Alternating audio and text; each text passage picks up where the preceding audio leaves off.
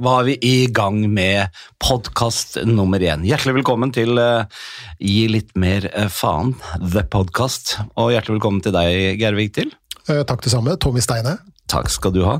Du, dette er jo aller første podkasten vår. Mm -hmm. Det er en dream come true. Ja, en blanding av drøm og mareritt, noe, noe sånt. Nei, dette her, dette her, har vi drømt om eh, lenge, Geir. Og jeg tenkte i og med at dette er første eh, podkasten, så må vi jo starte med å introdusere oss selv litt, hvem vi er. Mm.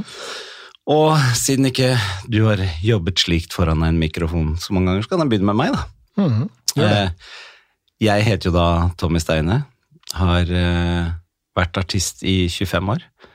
Eh, både som komiker, programleder, musikalsk skuespiller. Men først og fremst er jeg jo komiker. Um, og det har jeg vært siden da 94, i og med at det er 25-årsjubileum. Og laget masse, masse bra show, og noen show som ikke har gått så bra. Og laget masse bra TV-program som har vært bra, og noen som ikke har vært så bra. Mer enn det har jeg egentlig ikke på CV-en. Mm. Du da, hvem er du? Jeg heter Geir Viktil, og jeg har uh, ikke gjort stort annet enn å skrive en, en bok mm. som du har lest. Mm. Nå jobber jeg for så vidt som, uh, som terapeut. Jeg er utdanna psykiatrisk sykepleier og har, har uh, videreutdanning i kognitiv og noe som heter metakognitiv terapi.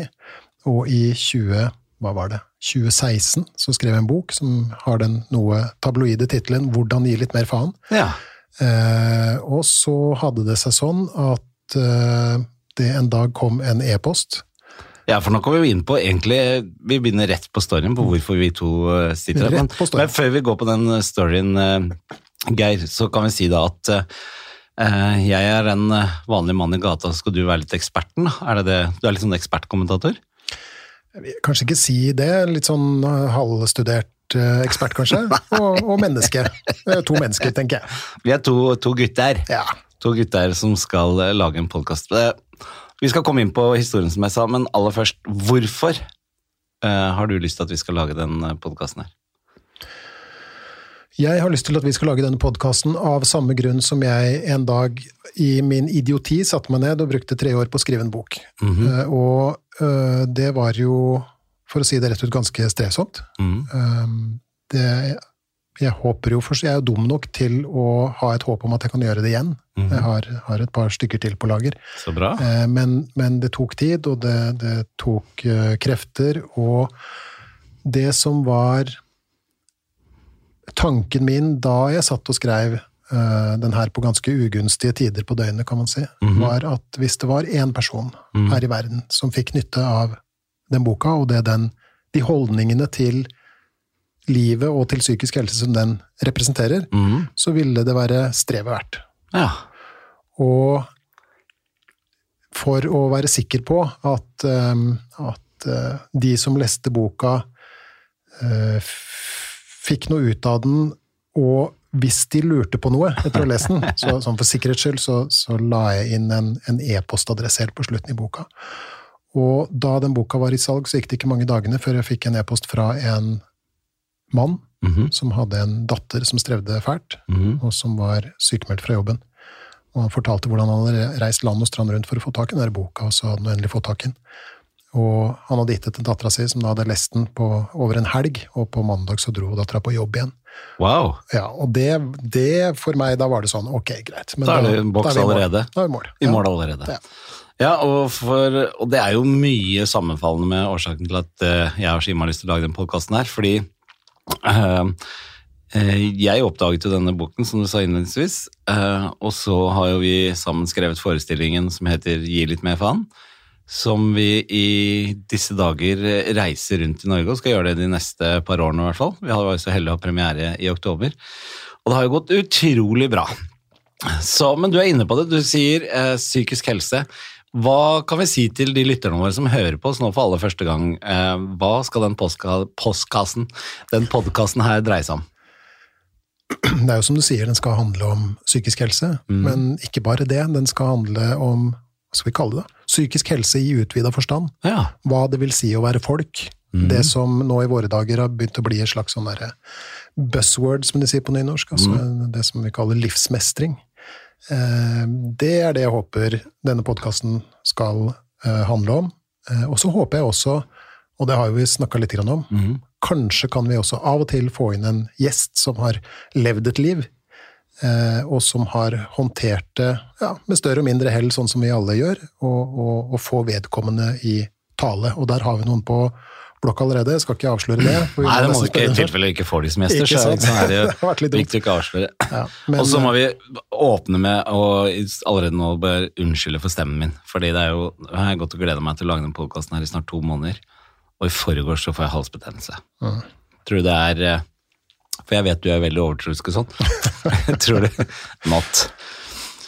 Tror du det er grunn til det? Ja, En straff, straff fra gudene, antagelig. Tror du det? Ja, nei, Nei. Det, det er ikke det. Du har en veldig tøff sånn eh, Johnny Cash-stemme.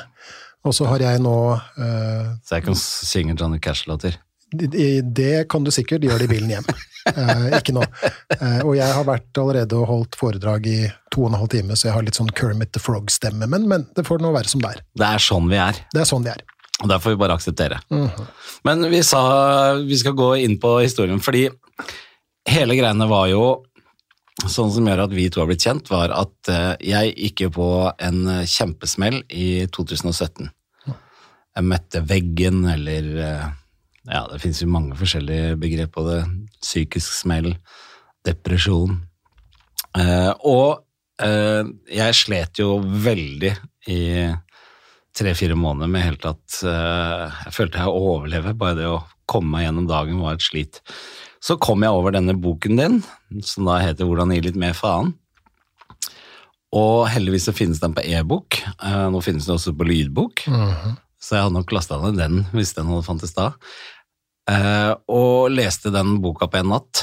Så jeg brukte ikke en helg, som du sa, men eh, jeg brukte bare en natt på å lese den boka. Og bakerst der sånn, så gikk det an å sende mail til en fantastisk mailadresse som var overtenking at gmail.no.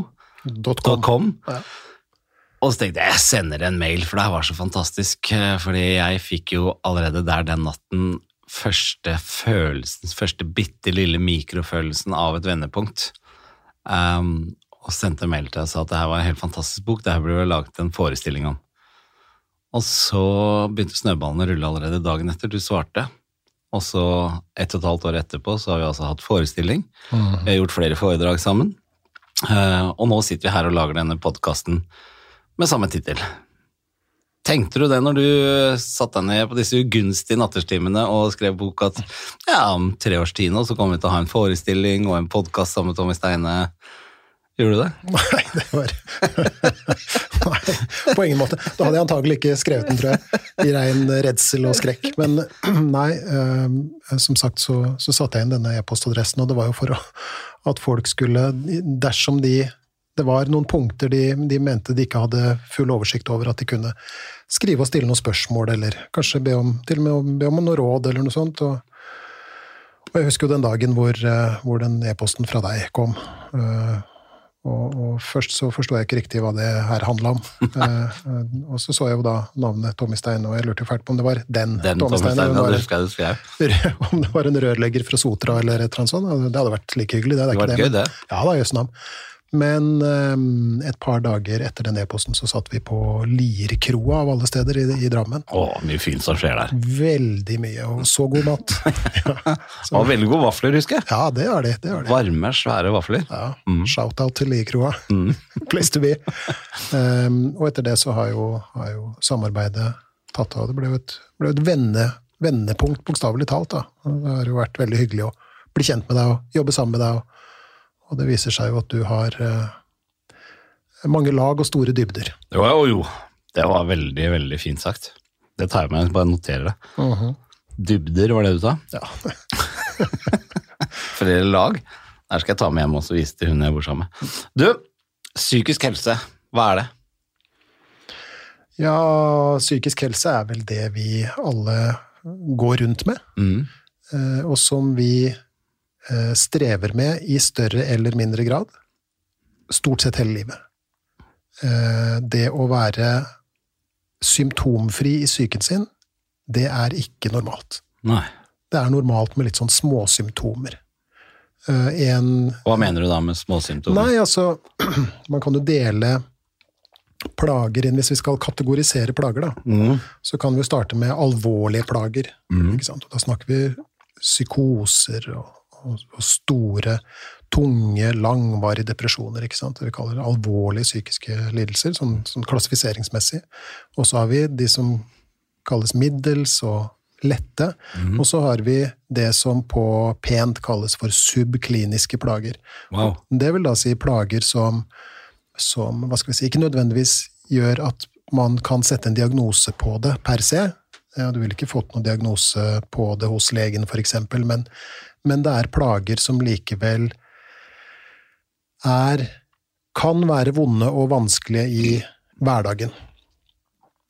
Um, subkliniske plager kan f.eks. være de plagene som jeg hadde da jeg våkna i morges. Altså for det første, det å våkne er jo aldri noe hyggelig, syns jeg. ikke sant? Jeg syns det er tungt å våkne. Alltid så forbanna trøtt. Ja. ikke sant? Og, og jeg husker jeg klagde til en kompis av meg som var lege, han er dessverre død nå, men, men, men han Jeg gikk til han og søyt over at jeg var så fryktelig trøtt, og da, da sa han at det er normalt å være trøtt om morgenen. Og da ble det i grunnen litt sånn lettere å være trøtt om morgenen. Men jeg våkna i morges med, med trøtthetsplager, Mm. og så eh, da jeg sto på badet, så, så kom jeg på at jeg skulle holde et foredrag. Jeg syns ikke det er så forbaska gøy å holde foredrag, for å si det rett ut. Syns du ikke? Nei, da blir jeg engstelig. Ikke sant? Og du blir engstelig. Ja, blir engstelig. Og da blir jeg tørr i munnen, og så får jeg vondt i magen, og for å bli litt personlig, så blir jeg også litt laus i magen. Oi. Ja da, og, så, det, og det blir vi når vi går og engster oss for ting, f.eks. folk som har eh, ja, litt sånn som du, da. Mm. Hatt, hatt forestillinger, eller, eller skal ha en stor og viktig eksamen, f.eks., eller til og med det som vi, vi ofte tenker på som gledelige ting, f.eks. bryllup, ikke sant? så kan vi bli litt sånn lausmage alle sammen, og, og det er et sånn stressymptom. Eh, Hvorfor gjør kroppen det? Er det bare for at du skal lette bli kvitt ting, så du kan løpe fortere? ja, ja, de lærde strides om det. Jeg tror ikke vi skal gå inn på, Nei, på avføring. Nei, vi nå, skal men, ikke det. Men det har noe med, med det som kalles stressaksen å gjøre, men det skal vi prate om uh, seinere når vi skal snakke om angst og, og, sånne ting. Men, men subkliniske symptomer er noe vi alle har, mm -hmm. uh, i større eller mindre grad, stort sett hver dag. Og hvis du, som hører på nå, for eksempel, føler deg aldeles symptomfri, ja, så har du pinadø flaks. Eh, en symptomfri syke er mer unntaket enn regelen. Er det bra? Ja, er det bra? Jeg vet ikke om, om vi skal, om Altså, skal tenke det på det som som- bra eller dårlig, men jeg, jeg tenker på det er, det er det normalt? Ja, det er det. Men er, altså, mener du at finnes det noen som går der ute som aldri har noe som helst Sliter med noe som helst i psyken? Nei, nei, nei. nei, nei, nei. nei Nei. det fins ikke. Nei, det finnes ikke. Jeg hørte jo du hadde vært innom en annen podkast, Ja. og, og, og du hadde hørt øh, en, Ja. en, en psykiater som, hadde, mm som sa at sånt kjente ikke han, Nei, han til. kjente ikke til. Han visste ikke hva angst Han har aldri kjent angst eller bekymring selv. Nei, det, jeg er litt usikker på akkurat den. Eh, Det må jeg si. For hvis han har et intakt nervesystem, så, så har han nok antagelig det. Og Ja. Greit nok, men Vi skal ikke snakke om han, men, men alle vi andre som, som har et sånn noenlunde fungerende nervesystem og, og, og vanlige liv, Ja. vi, vi, vi har kjent på disse plagene. Ja, for I større eller mindre grad gjennom hele livet. Ja. For det, det er én ting jeg har hengt meg opp i, som du ofte sier, som jeg syns er så fantastisk fin setning, og det er normalpsykologisk lidelse eller plage. Normalpsykologiske plager. Ja, ja.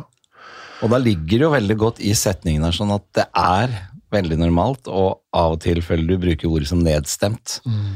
Det viser jo at du er litt konservativ du òg, for det er et ord jeg ikke bruker veldig ofte. Litt nedstemt nå. Det sier jeg ikke ofte, men nå er jeg fra østsida av byen, så, eh, så vi bruker det. Men Hva sier man der, da? jeg er deppa. Deppa, ja. Jeg er lei meg. Jeg er lei meg. Deppa. Og det er jo, det er jo det, noe som har eh, hva skal vi si, sneket seg inn i dagligtalen. Ja. eh, og, og grepet om seg, vil jeg si. Det er en slags sånn begrepsglidning, om man kan kalle det det. Mm. Og det er det at uh, vi bruker ordet deppa på noe som ikke er en depresjon. Det vi egentlig vil si, at det er litt, eh, det er litt humpete i dag. Ja. Jeg er litt nedstemt, Ja. ikke sant? Eh, Jeg er litt Er ikke i topp humør. småtrist. Ja, litt den stilen der. Ja. Og så kaller vi det deppa. Det å ha en depresjon er pinadø noe helt annet. Det vet jeg nå. Det vet du. Det vet jeg nå. Så jeg, det var noe av det første jeg tenkte med meg selv når jeg begynte å klatre opp igjen fra kjelleren, var at eh, herregud, jeg har misbrukt det ordet deppa og deprimert. For da fikk jeg virkelig smake hva det var for noe.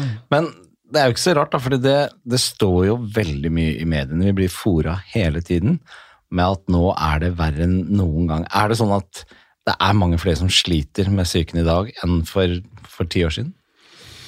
Man kan jo fort få inntrykk av det. Ja. Eh, og, og narrativet der ute, i, blant annet i, i mediene, er jo, er jo det. At det er mye, mye mange flere som sliter, og de sliter mer, osv. Jeg har tatt meg bryet å lese eh, Folkehelseinstituttets rapport om psykisk helse i 2018. Mhm. Eh, og den I den rapporten så står det noe som jeg tror jeg aldri har sett andre steder.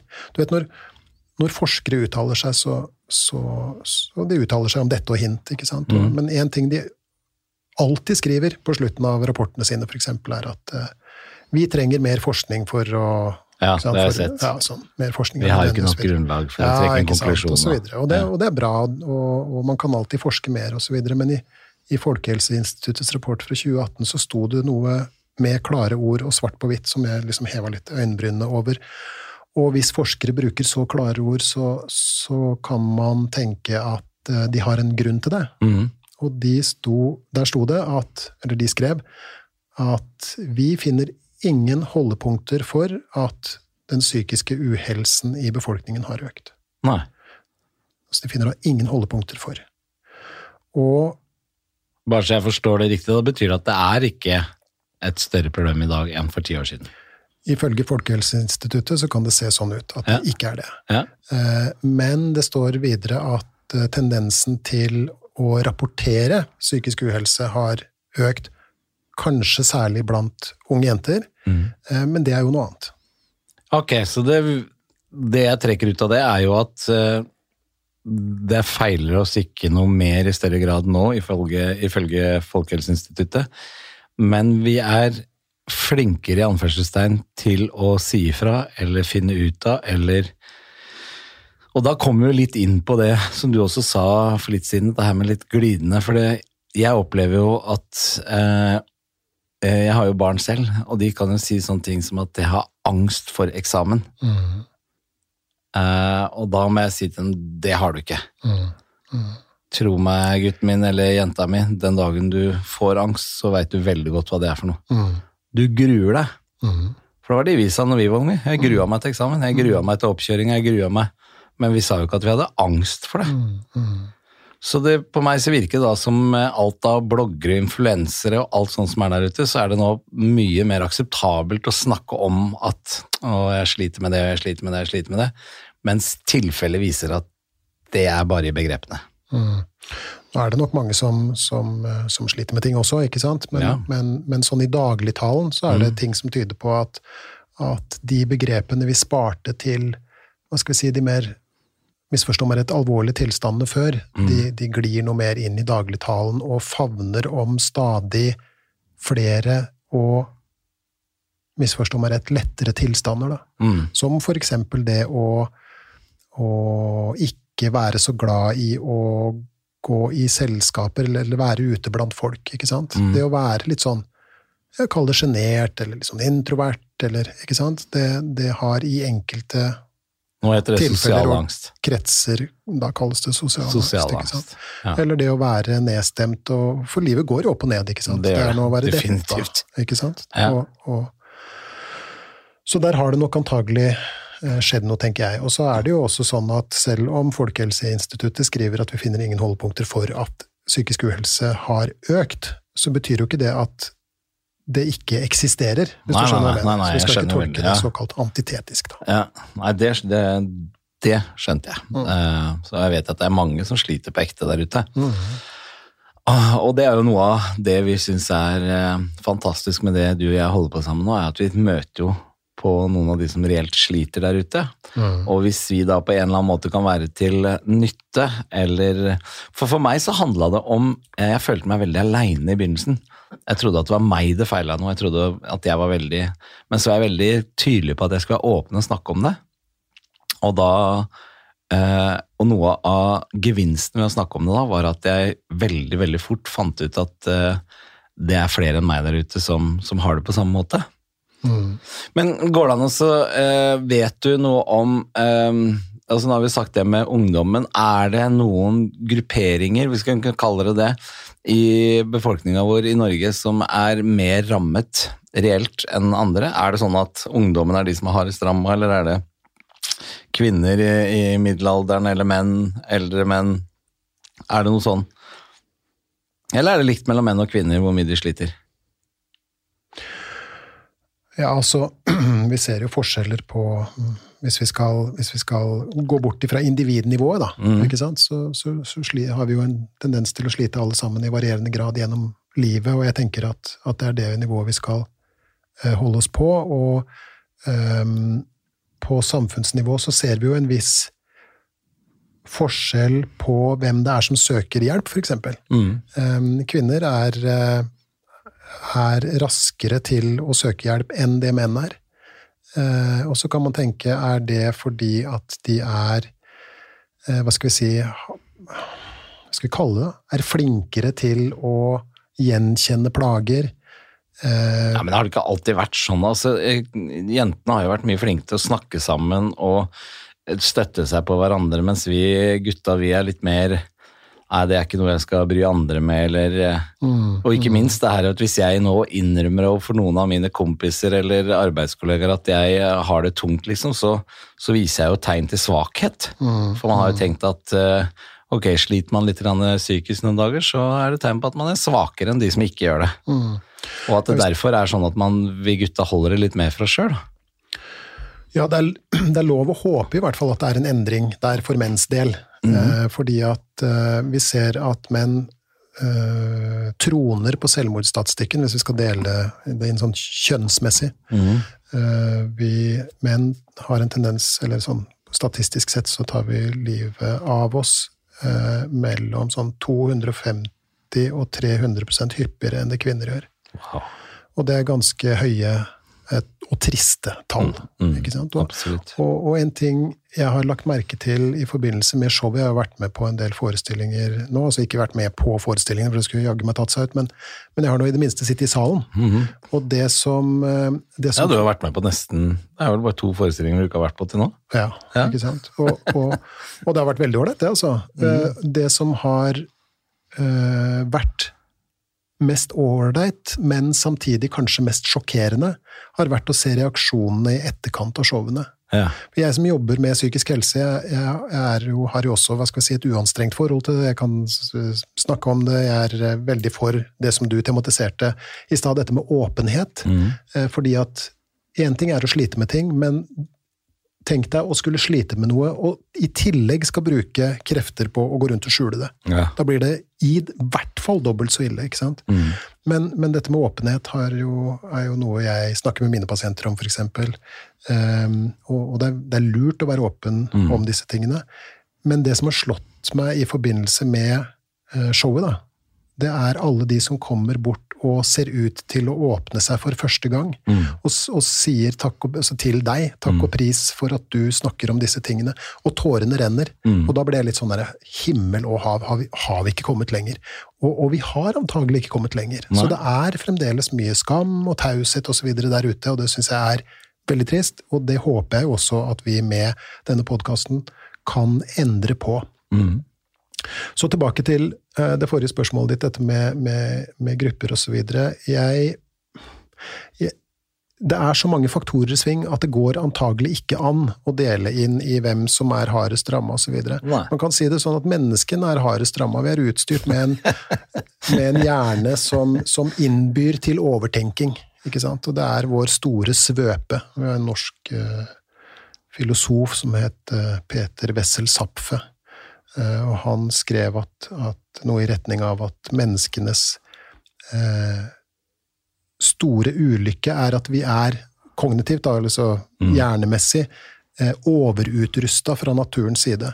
Og den overkapasiteten bruker vi til menings... Hva er det han skrev nå? Noe i retning av meningsløse grublerier om tilværelsen, eller noe i den retninga der. Da. Og det kan jo mange kjenne seg igjen i. Ja, er, er vi Jeg mener jeg husker jeg leste i, i boken din også, så leste jeg noe om eh, forskning eh, Nå husker ikke jeg navnet på han eh, nevrologen, eller han var, det var mye lenger til enn nevrolog òg, som forska på bavianer, var det? S- Men for, er det noen andre dyrearter som, som sliter med, med psykisk helse enn eh, mennesker? Nei, det ser jo til at mennesket troner på, på skal vi si, øverste førsteplass der. Eh, de, og det er jo som du sier, de nærmeste vi kommer er bavianer. Det er du, han du henviser til, eh, er en kar som heter Robert Sapolsky. Og han Sapolsky var det med. Sapolsky, ja. Mm. Han har skrevet en aldeles utmerket bok som heter Why Zebras Don't Get Ulcers, altså hvorfor sebraer ikke får magesår. Mm. Og greia med han Sapolsky, han, han eh, underviser på Stanford University, og, og cirka, sånn cirka halvparten av året. Og andre halvparten av året så reiste han til Kenya, mener jeg det var, og, og eh, forska på bavianflokker. da. Ja. Og disse bavianflokkene de var eh, karakterisert ved at de levde på steder med relativt få naturlige fiender. Eh, de hadde god tilgang på mat, dermed mye fritid, og den fritida brukte de, på, brukte de til å gjøre livet surt for hverandre. Og det høres jo ganske gjenkjennbart ut. Eh, Det som eh, det Sapolskis, en av Sapolskis poeng er, da, er at eh, flokklevende primater, så dess mer avanserte flokklevende primater er, dess mer stressa ser de ut til å bli. Nå ser, ut, ser det jo ut til at, at mennesket er den eneste arten, som vi kjenner til i hvert fall så langt, som ikke bare, hva skal vi kalle det, påføre stress utenifra, men er i stand til å tenke på stress. Mm. Eh, Og så vet vi jo ikke, selvfølgelig, altså, for det er jo litt vanskelig å se på disse dyrene, hva de, hva de tenker av og til, og noen ganger så kan du se at det virkelig kverner der oppe, men, men så langt vi vet i hvert fall, så er mennesket den eneste arten som er, er i stand til å, å, å, å, tenke på seg stress. Er det sånn at eh, er, vi, er det noe Går det an å se, eller vet vi noe om Det kommer litt an på hvor i verden du bor? Er det annerledes f.eks. i vestlig kapitalistiske land kontra andre land? Jeg vet ikke om vi skal blande inn kapitalismen i det her, men, eh, men Nei, det var ikke det jeg mente. Det var helt feil ord. Eh, vestlige land. vestlige land, ja. ja. Demokratiske var egentlig ordet jeg var Ja, ute etter. ja, ja. I-land, kanskje? Ja, i-land. Ja. Er det et i-landsproblem, i hovedsak? Igjen så er det jo et, et komplisert spørsmål. Ja. Eh, Men hvis vi ser på Jeg er veldig glad for alle disse ja-nei-svarene dine. Ja, du liker det. Ja, du ville at jeg skulle vært litt mer bastant. Nei, men, men man kan man se For jeg, jeg syns jeg leste et sted om at som for eksempel i, i Nå husker jeg ikke akkurat tallet, men i USA så er det sånn én psykolog per fjerde amerikaner, eller sånt, eller per åttende amerikaner. Mens i Kina så var det én per 2000, eller sånt, sånt, så det finnes nesten ikke psykologer.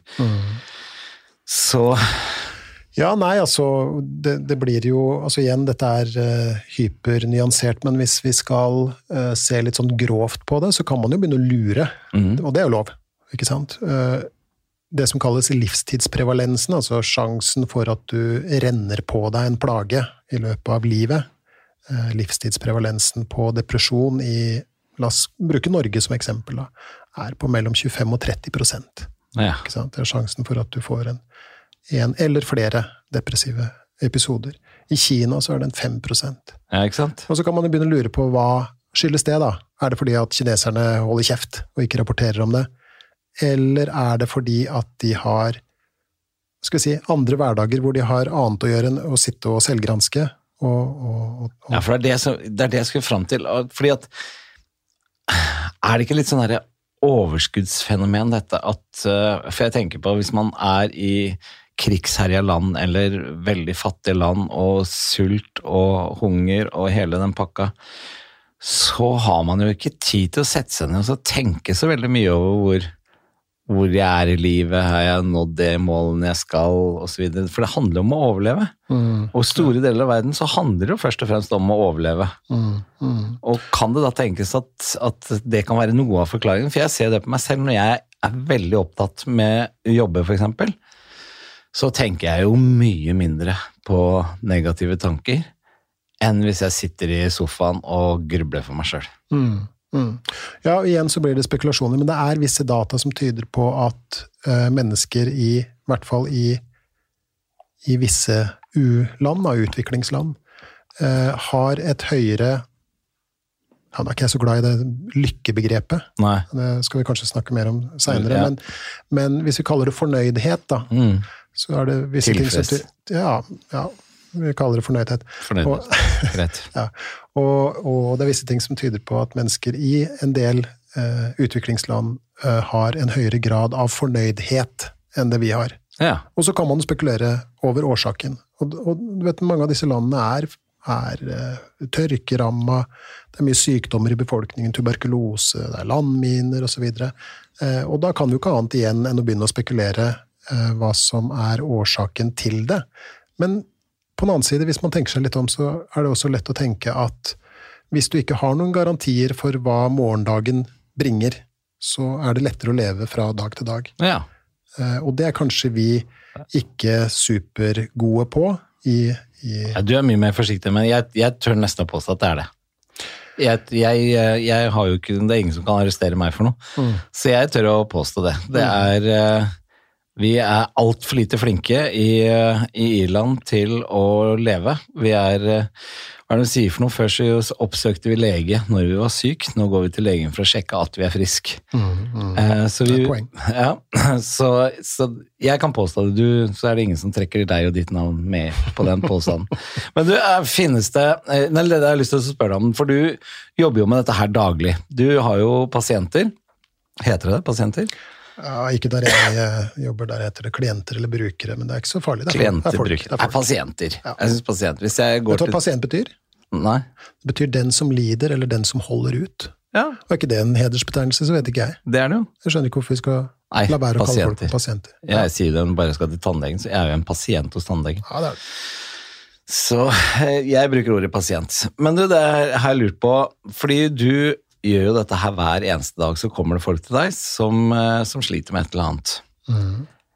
Og så vet jeg jo at eh, de aller, aller, aller, aller, aller fleste av de eh, lykkes jo med å få det bedre, i hvert fall, og mestre ting bedre etter å ha vært hos deg en stund.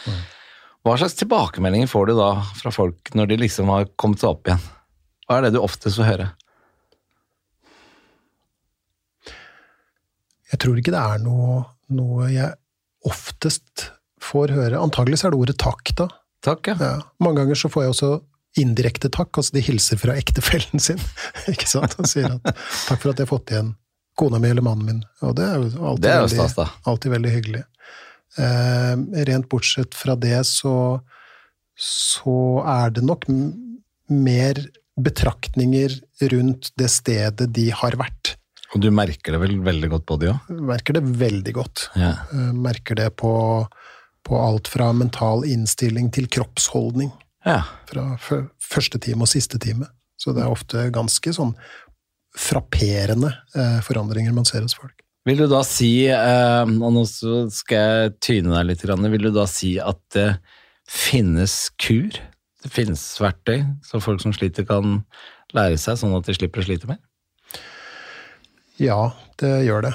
Det gjør det. Ehm, det finnes heldigvis måter å ikke bare håndtere ting på, men også forholde seg til ting på, Mm. som gjør at tilværelsen blir lettere å leve. Hvis man går til en behandler i håp om å bli smertefri, Mm. vel så har både du og behandleren et problem antagelig. Ja. For det er ikke riktig sånn det fungerer. Fordi at livet kommer og går på, på sin måte. Livet er ikke smertefritt. livet er på ingen måte smertefritt. Og, og hvis du da skal ha det som et slags prosjekt, så, så Men å gå rundt og plages intenst hver dag, det er det jo lov til å ønske seg å, å få slippe, da. Ja. Men symptomfri kan vi være enige om er Det er vanskelig å oppnå, i hvert fall når det gjelder psykologien normalt. vår. Ja. Ja. Du, øh, hvordan kan man er det, Fordi jeg tenker på En ting er at man går til sånne som deg når man sliter og har det fælt. Men går det an å gjøre noe i forkant, altså du kan tenke deg en vaksine? Fordi at hvis jeg uh, var redd for at jeg skulle få influensa hvert år i desember, for da har jeg show hver eneste dag og får ikke hvilt meg, så kan jeg gå og ta en sånn influensavaksine. Finnes det noe man kan gjøre for å gjøre at man uh, Hvordan skal jeg si det? Blir bedre rustet? Eller eh, som gjør at du har mindre sjanse for å gå på en smell? Ja, det gjør det jo for så vidt, og igjen så vil det være individuelt, tenker jeg, men, men man kan jo kanskje man kan jo kanskje se at det er noen, noen felles faktorer ute og går på et vis, da. Ja. Det ene er det å em, få i seg nok og, og, og noenlunde riktig mat. Mm. Så hvis du lever på Grandis og Mækkern i tre år, så skal jeg love deg at det begynner å stå dårlig til både med psyken og, og, det fysiske. fysisk. Ikke sant? Så, så det å få i seg sånn, sånn cirka fire måltider, og at det er sånn noenlunde næringsverdi i det, er, er veldig lurt. Jeg mener at mat har noe å si for psyken også. Ja, det mener jeg. Det Ja. mener jeg. Så er det punkt to, og det er bevegelse. Mhm. Så det å være i bevegelse på en eller annen måte, det viser seg å være, virke beskyttende. Ja. På, i, en, I en viss grad, da. Sånn at noe av I våre dager så er eh, det å komme seg ut og bevege seg, få skal vi si, lys inn i øynene og frisk luft ned i lungene og bevegelse i kroppen, det er en del av depresjonsbehandlinga. Det virker antidepressivt. ja, det Så- vet jeg. Så, og det betyr ikke at du trenger å henge som et slips over uh, spinningsykkelen på Sats, eller hvor søtt han du er. Nei, nei, jeg hadde, jo, jeg hadde jo Det var jo noe av det Linda, altså min elskede, tvang meg jo ø, ut en av de aller første dagene til at jeg måtte begynne å, å gå tur med henne i skogen. Og det var ja, det jeg sier det, det var helt jævlig i begynnelsen. For jeg var jo redd for å gå ut døra, jeg var jo redd for å møte folk. Eh, og det å begynne å, gå i skogen, og så, så gjorde vi en avtale om at skulle, jeg skulle i hvert fall klare et kvarter, da. Og så gikk det ikke mange dagene før det kvarteret ble 20 minutter. Og så gikk det et par uker, så har de 20 minuttene blitt til en time. Eh, og selv da når jeg hadde det som verst, og egentlig bare gleda meg til jeg kunne ta en sovetablett i ellevetida så jeg fikk fire timer fred eh, fra plagene, så merka jeg sakte, men sikkert hvor viktig det var å få den turen i skogen.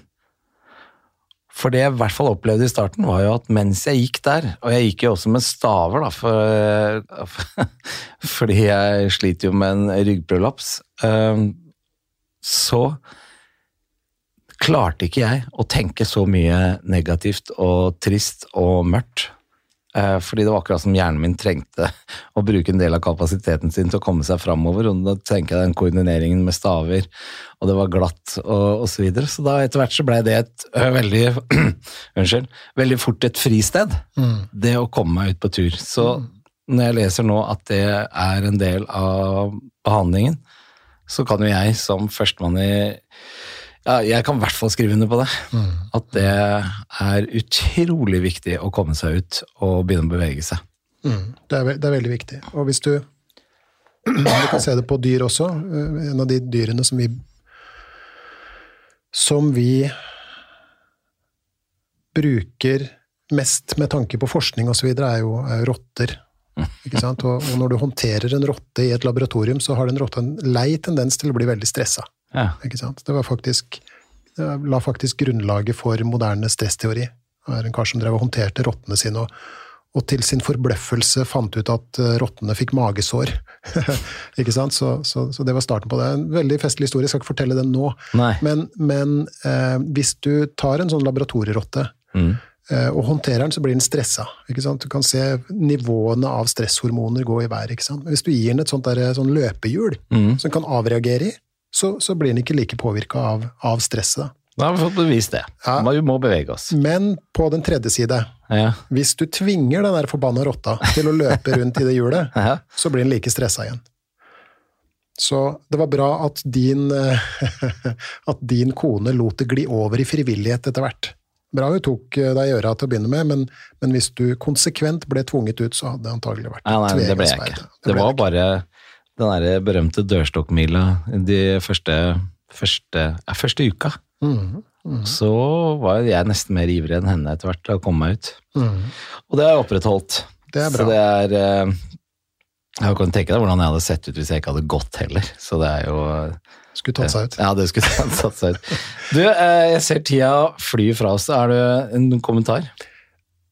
Ja, du spurte jo om hva som virka beskyttende. Vi har Ja, kommet til punkt to av seks. Å ja, du har fire punkter til. Jeg har det. Ja. Vil du høre dem? Ja, kjør på. Ja, ok, greit. Så søvn, Mm. lurt. Ja, ja, så klart. Beste måten å eh, Hva skal vi si Snu opp ned på huet sitt på, er å snu opp ned på døgnet. Ja. Det vil da si få sånn noenlunde søvn. ja. NB, det at du får noenlunde den søvnmengden du trenger, ish, give or take, hindrer ikke at du er trøtt om morgenen. Nei. Det er helt vanlig når du våkner å være trøtt. Så ikke gå i den fella og tro at siden du er trøtt, så har du fått for lite søvn. De eneste som er kan oppleve å ikke være trøtte, det er folk som har sovet altfor lite. Ja. Da kan du være litt sånn speeda, ikke sant? Mens folk som har enten sovet nok eller sovet for mye, de er trøtte om morgenen. Nei, jeg er trøttere når jeg sover for mye. Ja, ok, så der har du den erfaringa. Ja. Jeg er trøtt uansett, ja, men jeg har lært meg å leve med det. Ok, neste. Skill mellom arbeid og fritid. Oi. Hvis du har et yrke hvor du alltid er tilgjengelig, Mm. så ikke bli overraska dersom du blir i overkant stressa av det, og til og med kan bli sjuk av det. Nei. Så hvis du har muligheten, dra et skille mellom arbeid og fritid. Der er det mange som jeg tror Mange, ikke sant? For det er nærmest blitt en ny religion, og det er nesten blitt sånn, litt sånn høystatus også. Ja. Å alltid være tilgjengelig, alltid være på. Og ikke bare det, men vi er jo pinadø alltid på, på fritida også, Ja. ikke sant? Online og så videre, og, og, og, og, og alle disse ja, Folk er jo desperate hvis det ikke er wifi-dekning. Helt grusomt. Helt grusomt. Så, så det, er, det er det. Eh, så er det eh, religion og spiritualitet viser seg å være beskyttende. Det å ha noe å tro på, noe som er større enn deg selv. Mhm. Det å være på toppen av næringskjeden er ganske ensomt. Der eh, blåser det kaldt av og til.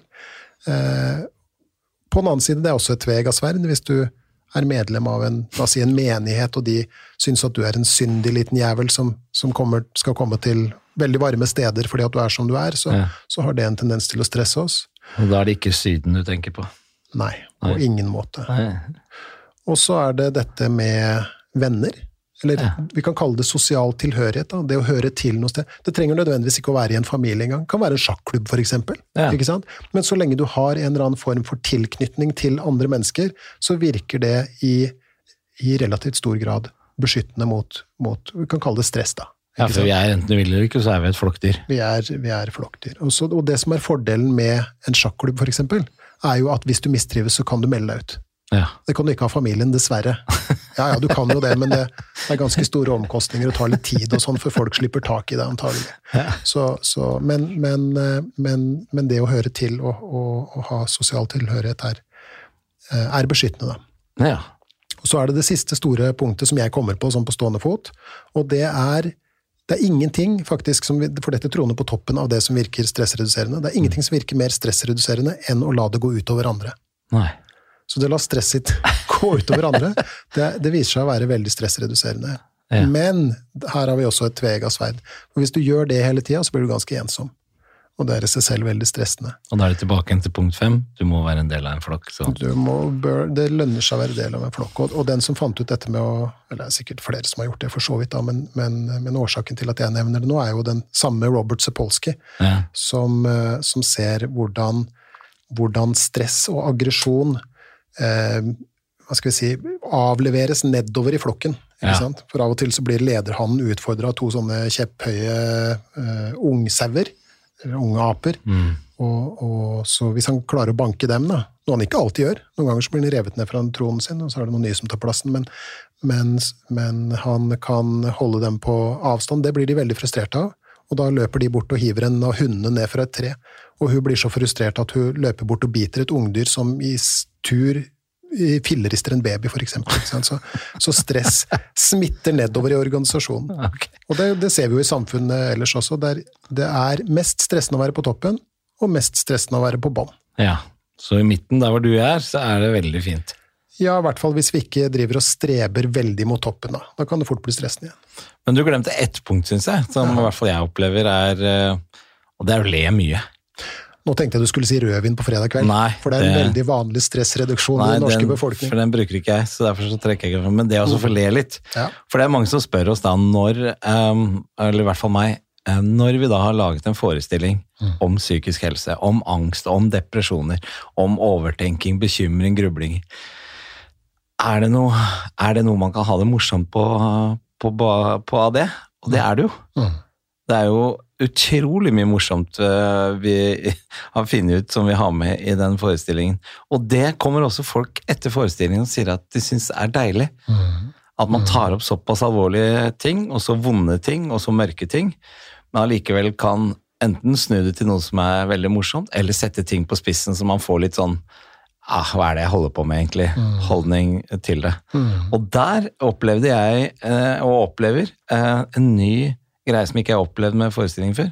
Der er det flere menn som kommer bort til meg etterpå og sier 'fy fader, så bra at du At jeg kjente meg så godt igjen. Det var så jævlig deilig å se at du Mm. Mm. Så det er eh, Så latter må vi ha med som Du, vet du hva, det er jeg helt enig i. Og, og én ting er jo den erfaringa som vi har, nå har fått i forbindelse med, med showet som du reiser rundt med. mm, Uh, folk det, det, det, er, det er liksom forløsende. Ja. Eh, Jeg har jo tidligere jobba i, eh, i akuttmedisin. ikke sant? Jobba akuttmottak og intensivavdeling og, og AMK og sentral og sånt. Og, der ler man mye. Og man ler av særdeles upassende ting. Det er litt sånn galgenhumor. Det er litt galgenhumor, det er svarthumor, og det virker ofte eh, stressforløsende, etter min erfaring. Så det er antagelig det samme som du ser i forbindelse med, med showene. Ja. Men du, eh, jeg ser tiden fly fra oss. Det er jo helt utrolig fort eh, tiden går. Selv på vår aller første podkast.